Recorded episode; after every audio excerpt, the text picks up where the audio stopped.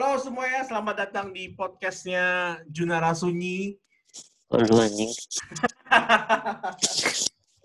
Gua yang gua yang pembukaan anjir. Oke, maaf guys, tadi ada kesalahan kesalahan pembukaan. Maklum lah guys, kita emang suka begitu. Ngeselin. Jadi kembali lagi di podcast Creator Voice. Bersama gua lagi, gua lagi. Iya lah, gua lagi orang hostnya gua. Mhm. Dan bersama guys yang sama. Jangan bosen. Kalau bosen ya lu DM aja ke dia ya. Bilang gue bosen gitu. Lu DM boleh, tapi kalau tapi syaratnya adalah seorang perempuan ya, yang cantik dan jelita. Iya, tuh denger ya syaratnya ya. Ini gak bakal gua cut. Wih, gue juga gak bakal kan gue upload aja sih. Anteng aja gue mah. Oke, eh, apa kabar tuh? Tadi kan nanya kabar kan? Dia nanya kabar dulu. Apa kabar tuh? Oke, kabar gue tuh sebenarnya ya buruk ya, berat banget sih kerjaan gue gitu loh. Tapi kayak gue Iya, terima. karena Sebenarnya nggak sebenarnya gue juga salah sih nanya kabar lu karena sebenarnya gue nggak perlu nanya tiap hari kabar lu ya buruk gitu loh atau bahkan makin makin memburuk kan. Iya men, kayak aduh berat banget di pikiran gua terus kayak kayak pekerjaannya kompak banget dan dan kan kita kita lagi PSBB ya, kita lagi mengkarantina diri kita sendiri. Ya kan? Lebaran seluruh bagian badan. Jadi kayak nggak ada hiburan aja, kayak gue bangun, mandi, cuci piring, bersih-bersih segala macem, Ya, kerja, makan, kerja, makan, kerja, udah jam 6 ke atas paling main Dota, Zoom call kayak gini, terus jadi podcast, bikin konten YouTube, jadi ngulang terus tau gak sih? Gue gak ketemu cewek, gue gak ketemu teman-teman yang lain secara fisik, dan gue gak ketemu cewek. Itu itu bahaya banget sih. Otak lu kotor anjing. Eh, ketemu cewek itu bukan bukan serta merta cuma berhubungan doang, Jun. Kayak kayak ngobrol santai juga udah bikin hati itu senang tuh? Iya kan nggak perlu cewek anjing. Bencong banyak di luar. Oh, cewek. In- in- intinya gue lagi stres aja, ter tertekan lah, bukan stres, tertekan aja dan beban yang beban beban yang dirasakan. Ya tapi semua orang juga punya beban yang sama lah. Semua orang punya cerita yang masing-masing. Ya. Enggak lah beban ada, cuma nggak sama kayak lu lah anjing. Oh iya benar dong, benar dong. Iya, gue nggak mau sama kayak lu. Ya, gue juga sendirian. sama kayak lu, iya. Terus lu selama PS, eh, PSBB, ya PSBB, selama stay di rumah, berat badan lu naik gak? Berat badan. Gue gue malah turun 4 kilo. Karena stres. Iya, karena stres. Gua pikir lu naik, lu banyak pesan dari ojol gitu. Makanan, order online. Itu gue makan sekali sehari, Jun. Kalau misalnya gue nggak Oh. beli gue nggak beli GoFood atau GrabFood, gue nggak beneran nggak makan. Stres itu kah? Hah? Stres itu kah? Iya, jadi kayak tubuh gue cuma tubuh gue cuma minum kopi ya, minum kopi. Ya. Sampai nggak bisa tidur. Iya. Gitu. Nggak, Kita hari ini ngomongin yang sebentar lagi bakal terjadi. Normal baru atau new normal. Tapi normal baru udah terjadi dari sebelum-sebelumnya. Kapan? Yang di Mac, Mac di Sarina itu. bukan, itu new bukan. normal kan? Itu gimana gimana coba cerita dulu, coba cerita dulu, coba cerita dulu. Ya gimana menurut lu dengan eh, kebijakan presiden dan kawan-kawannya untuk melaksanakan new normal ini? Oke. Eh, sebenarnya new normal itu kalau bagi gue ya eh, eh, new normal itu udah terjadi waktu corona nyebar, waktu corona rilis ke publik ya produk tau gak sih kayak, eh kita udah rilis produk baru nih namanya corona. Tapi itu belum pandemi loh. Ah, ya awalnya gitu kan pertama penyakit dari bulan, Des- bulan Desember tanggal 31 Desember tuh penyakit pertama yang dilaporin Hmm. ne- negara Tiongkok ke WHO nyebar Hmm. sampai akhirnya sekarang udah ada 5 juta 5,5 juta pengidap corona di seluruh dunia Hmm. atau 5,5 juta active user. Hmm. Tapi new apa- normal itu sebenarnya terjadi ketika pandemi masih ada sih. Ya kan? Atau pan- pandemi sudah ada. Ya karena kan kalau new normal berarti ada sesuatu yang baru gitu kan di dunia di dunia ak- beraktivitas secara nyata gitu. Nah, itu itu Jadi juga sebenarnya Nah, itu mengenai new normal itu terjadi set- waktu eh, corona melahir, waktu kita bertindak dan setelah corona pun kita taklukkan. Karena gue kalau kita ngomongin new normal, pikiran gue kita satu pikiran dulu. New normal ini menurut- maksud lu dalam model pekerjaan bukan atau dalam kehidupan sehari-hari? Dalam iya segala aspek kehidupan lah Iya. Kerjaan shopping gitu-gitu kalau misalnya eh, yang benar-benar berdampak itu sebenarnya bukan dari gaya hidup, tapi dari eh, dari pekerjaan sih. Karena oke dengan dengan kita kita kita udah mulai mengkarantina diri itu dari bulan Maret kan Maret April Mei sekarang udah udah dua setengah Hmm. bulan tuh. Per- perusahaan mulai melihat loh kok eh, karyawan gue bekerja dari rumah atau WFH tapi produktivitas tetap ada loh kok Hmm. eh, orang-orang gue semua di rumah tapi pekerjaannya lancar. Terus mere- mereka mulai berpikir nih, apa gunanya gue sewa kantor? Apa gunanya gue sewa ini dan itu, ini dan itu? Dan ini benar karena gue ketemu, bukan ketemu sih, gue ngobrol melalui telepon ke beberapa teman-teman dan orang-orang yang udah bloomer ya, yang posisinya udah manajer, partner dan segala macem. Mereka sekarang merasakan kayak diskusi antar partner, diskusi antar pemegang saham dan seterusnya semua pakai Zoom call, semua pakai Google Hangout. Jadi kayak mereka mulai mikir ngapain lagi gue pakai kantor. Hmm. Nah, dan itu pun terjadi di tempat gue bekerja, day job gue juga mengadopsi kebijakan itu. Jadi kita akan remote working, totally remote working sampai bulan Desember. Sumpah di kantor. Iya, Wih, gila. iya kan? Nah, kalau startup startup kayak perusahaan yang yang yang yang emang digital dari awal ya remote working adalah konsep yang normal gitu kan. Tapi kalau misalnya perusahaan-perusahaan konvensional remote working adalah konsep yang baru dan karena corona jadi dipaksa untuk mengadopsi hal seperti itu dan dan beberapa perusahaan gede pun yang konvensional pun udah mengadopsi hal seperti itu Jun. Di Hmm. salah satunya kantor gue ya sampai Desember bro. Karena emang bisa Oh. ngobrol sama klien pakai Zoom call. Eh, Tapi wifi nggak macet-macet, nggak putus-putus. Enggak sih, wifi gue bagus sih. Nggak, yang lain kan harus lihat secara keseluruhan juga. Karena bukan cuma lu anjing. enggak, enggak, enggak, enggak. Kebetulan eh, ya- yang client facing tuh wifi-nya bagus-bagus kok. Hmm, Gitu. beda ya sama sama kantor gua. Kenapa kantor lu? Teman-teman gua. Teman-teman gua wifi-nya berdarah semua. I- IndiHome ya? Hah? Wifi-nya IndiHome ya? IndiHome kan jelek kan? Tahu nggak pakai apa. Enggak, maksudnya masing-masing internet. Internet teman-teman gua di rumah, rumah masing-masing. Hmm, Jelek-jelek semua anjing. Punya mereka. Gue sih bagus, sorry ya. Anjing. Oh iya, gue juga cuy. Iya, jadi kayak, eh, oke lanjut ya. Jadi kayak yang waktu itu kan gue juga sempat lihat di kumparan ya, kalau nggak salah lu juga pasti tahu lah. Twitter WF, boleh WFH selamanya. Iya. Gue yakin itu nggak bakal nggak bakal ada kalau nggak ada pandemi kan. Eh, pertama eh WFH selamanya atau kon sebenarnya WFH itu konsep yang itu nama sekarang sih. Kalau dulu disebutnya remote working, remote working, bekerja suka jidat di mana pun lu mau. Dan emang udah ada perusahaan yang seperti itu Jun sebelum corona pun. Kalau di Indonesia contohnya adalah perusahaan Moka. Lalu tahu Moka nggak? Tahu-tahu. Nah, Moka tuh temen gue, dia seorang account manager, account eksekutif dan, dan sejenisnya. Itu kerja di mana aja. Bodoh amat gitu loh. Hmm. Nah, yang bikin bener-bener baru dari konsep, yang bikin bener-bener baru dari ka- dikarenakan corona adalah remote working sekarang diaplikasikan ke perusahaan konvensional juga. Perusahaan-perusahaan Oh. tua pun ikut ikut Hmm. remote working. Hmm, Kalau iya. kalau kalau yang kalau yang sekelas Gojek, Tokopedia, eh itu mah udah biasa remote working, Bro. Tapi kalau yang kayak sih. perusahaan-perusahaan tua seperti BRI, Mandiri, itu kan kalau lu bilang, "Mas, kita mau remote working." Pale lu remote working. Eh, Nggak bisa gitu loh. Nah, sekarang mau nggak mau Iya. kan. Berarti nggak, kalau misalnya gue koreksi sedikit tadi, eh, dengan adanya pandemi, eh, bukan remote working, tapi work from home ya kan.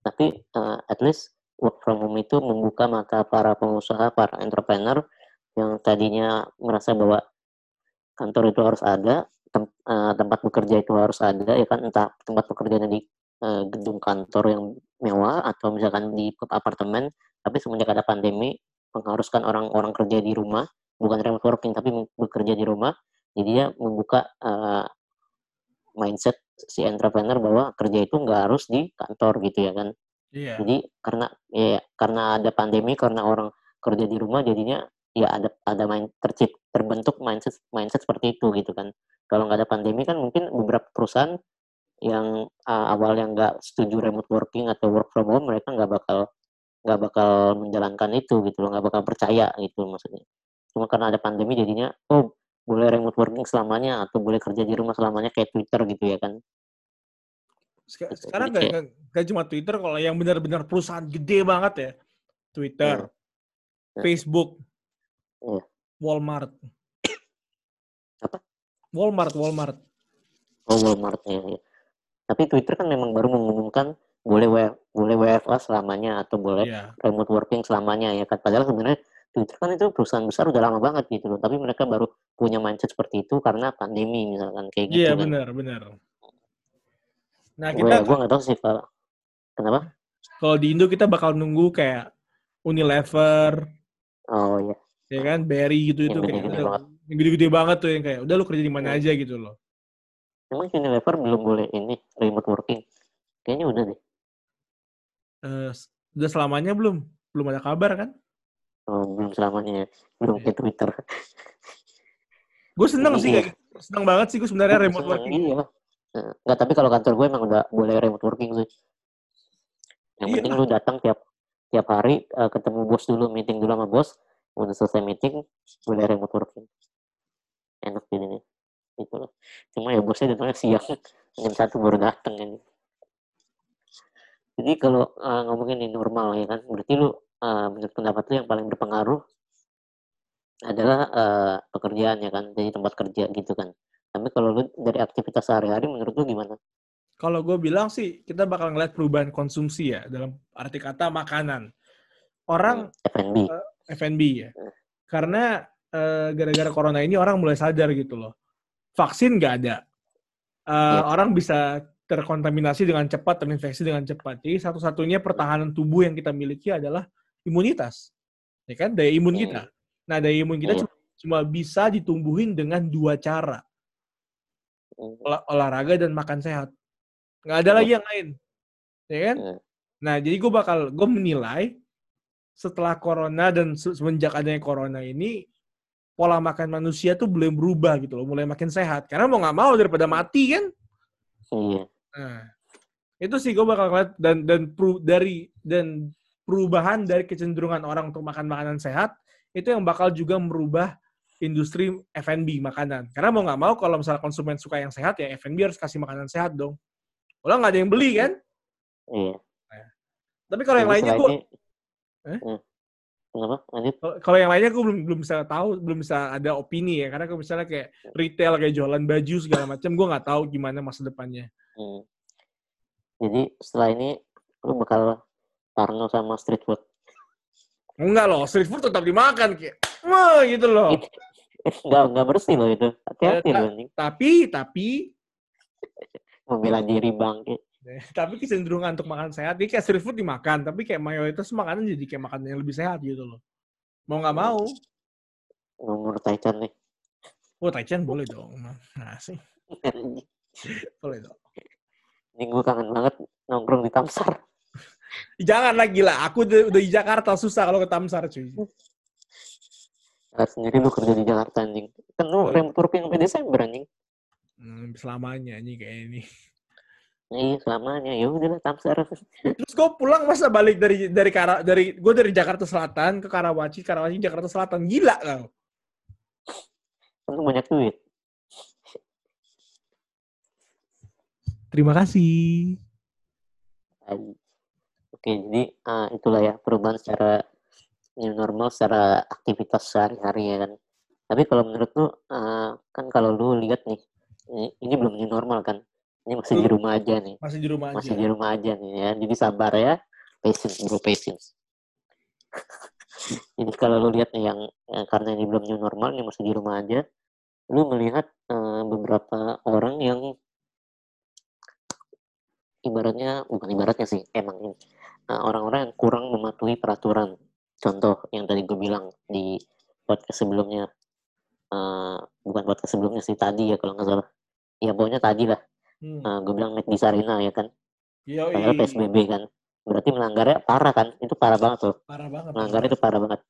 Parah banget McD Sarina. Terus eh, ada lagi yang eh, orang berbondong-bondong ke mall di kota mana gitu. Pokoknya bukan Jakarta, luar kota.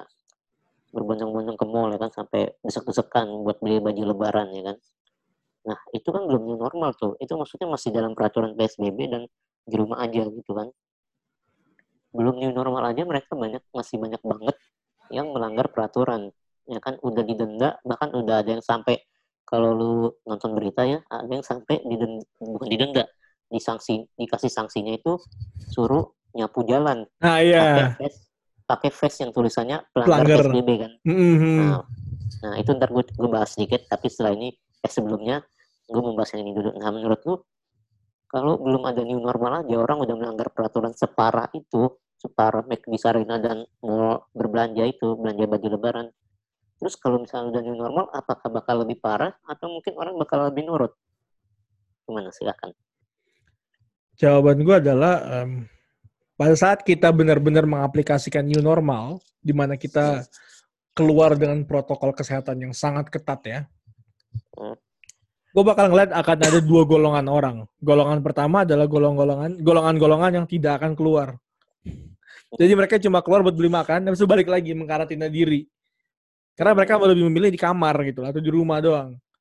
Contohnya kayak teman kita Daniel Anugrah tuh nggak akan mau keluar dia sampai ya, sampai sampai jelas gitu loh kayak apa yang terjadi gitu loh. Ya bukannya juga keluar, waktu itu naik ojol. Kapan? Ojol kan udah, hilang dari aplikasinya. Kapan? Sebelum pas awal-awal kan belum. Oke lanjut lah. Oh ya ini intinya gitu. Tapi kayak Hmm. nah ada juga beberapa, teman-teman kita yang tidak akan keluar sampai pemerintah jelas gitu loh kayak boleh keluar dengan normal.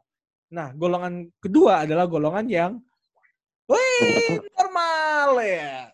Susah Nah, diatur. Golongan keduanya golongan keduanya yang susah loh Jun. Karena golongan lu anjing. karena golongan kedua ini adalah golongan yang menilai PSBB udah hilang sama dengan Hmm. corona sudah hilang. Gue ulangin ya. Betul. PSBB sudah hilang sama dengan corona sudah hilang. Inilah golongan kedua dan dan inilah golongan paling berbahaya.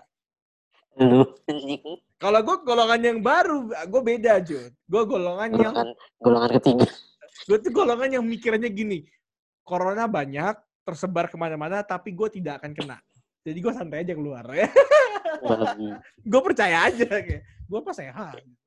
Tapi ingat wajib pakai masker, jaga jarak gitu-gitu loh sekarang. Masker, pakai hand sanitizer, cuci tangan, pulang ke rumah langsung cuci bajunya, Mandi. mandi itu itu gue lakuin sekarang. Kayak wah nggak main-main gue. Jadi gimana? Jadi pasti ada orang yang patuh, ada orang yang bandel gitu lah ya. Tetap akan ada seperti itulah ya.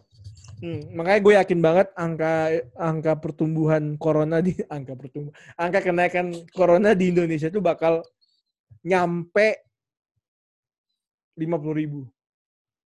Hmm. Eh, eh, pas udah pas udah mulai new normalnya, apakah akan semakin meningkat apa malah menurun menurut lo? meningkat.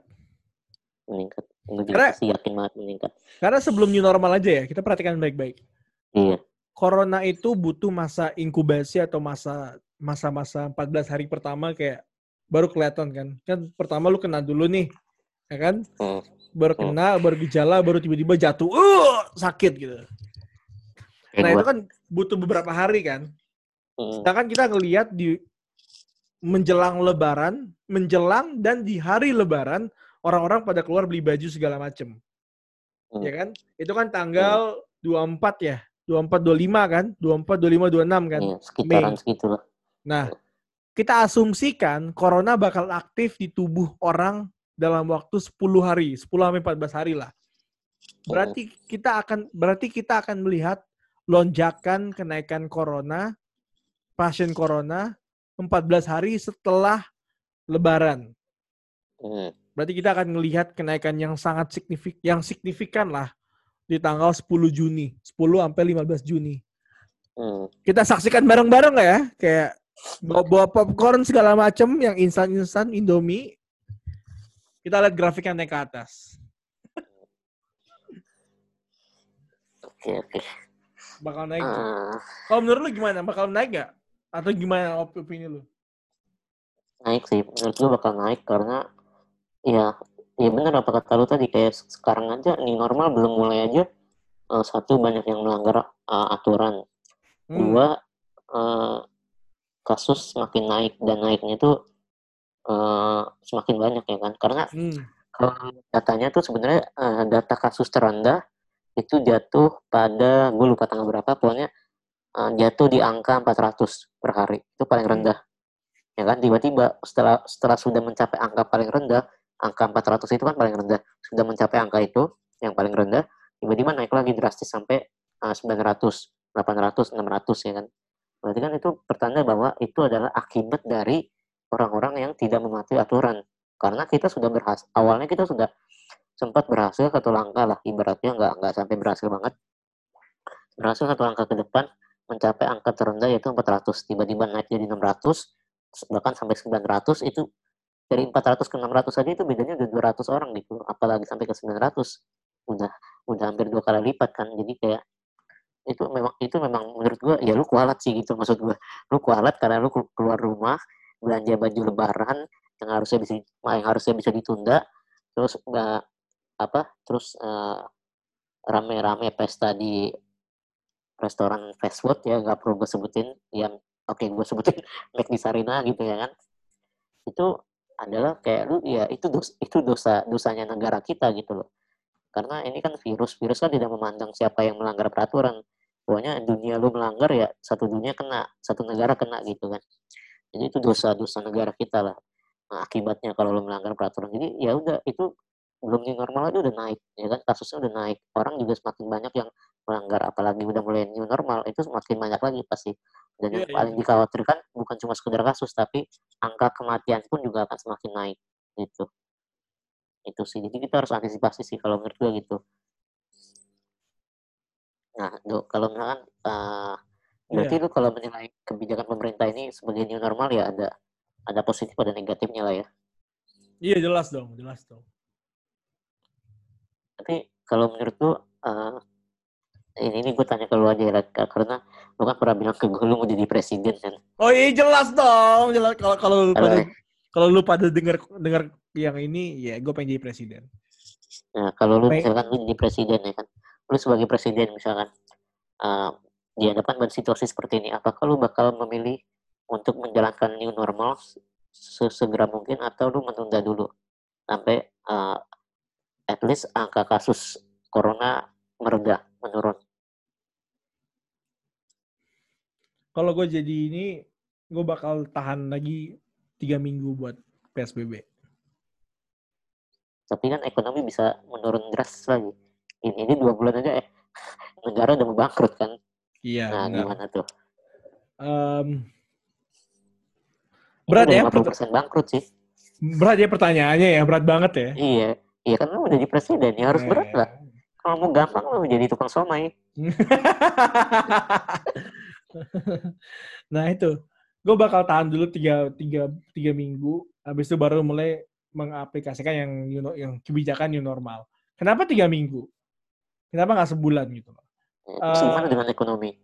Ya, itu dia pertanyaannya kan. Karena karena kalau misalnya satu bulan itu bakal benar-benar mengambil total satu dari tiga bulan dalam laporan kuartal dan itu bahaya ya. Kalau tiga minggu kita seenggaknya bisa menabung satu bulan untuk eh satu minggu untuk persiapan kenaikan ekonomi. Jadi kayak, kayak jadi kita bisa ngelihat eh, recovery-nya atau put, arah putar baliknya itu bentuknya U, kayak pelan-pelan naik atas, turun, pelan-pelan naik atas lagi gitu loh. Harapannya Oke. sih harapannya sih V ya, jadi kayak turun cepat naik cepat gitu loh. Dan tiga minggu ini juga persiapan untuk semuanya, terutama untuk pemilihan karena kan kita bakal ada pemilihan lagi kan kalau nggak salah di bulan Desember. Iya. Revitalisasi apa nama revi- revitalisasi beberapa tempat, terutama F&B eh, karena F&B itu yang paling penting Revitalisasi itu apa? dibagusin sistemnya. Oh, Oke, oke Iya. Kenapa gue bilang F&B? Karena F&B itu yang misal Paling berpengaruh. paling berpengaruh. Kalau lu bisa keluar ke jalan kayak kemarin gue ke jalan aja, gue ngobrol sama orang nasi goreng, yang martabak juga. Mereka udah mulai susah cari mulai susah cari telur. Mulai susah cari daging gitu loh. Kasihan Iya. kan? Mm. Nah itu jadi supply chain-nya harus diperbaiki, direvitalisasi lah kasarnya. Tapi mengenai ekonomi, in general, gue akan lebih menyelamatkan nyawa daripada ekonomi. Jadi kalau ekonomi makin menurun, lu melakukan apa? Do nothing. Kalau ekonomi makin menurun ya, gue pakai cara yang paling umum dari semua bisnis, yaitu berutang. jadi jadi E A I. jadi kita bakal jadi gue bakal rilis SBN apa seperti yang dilakukan sama si Bu Sri Mulyani ya. Jadi kalau ngeluarin surat utang negara, surat berharga negara kepada negara lain untuk eh utangin Indonesia dong.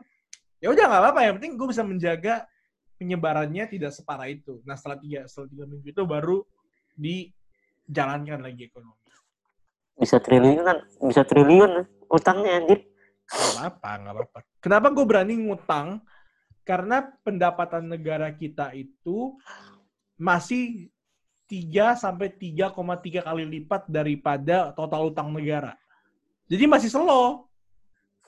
Ibarat kata gue utang 1 juta, tapi pendapatan gue 3 juta. Ya nggak apa-apa gitu loh. Itulah pendapatan negara Indonesia. Dan angka sehatnya kan 30 sampai 40 persen. Jadi selama di bawah itu masih sehat kan. Jadi bisa ngutang lagi dikit lagi buat menjaga ekonomi, nggak apa-apa. nggak apa-apa. Ut- Utang satu juta, income 3 juta.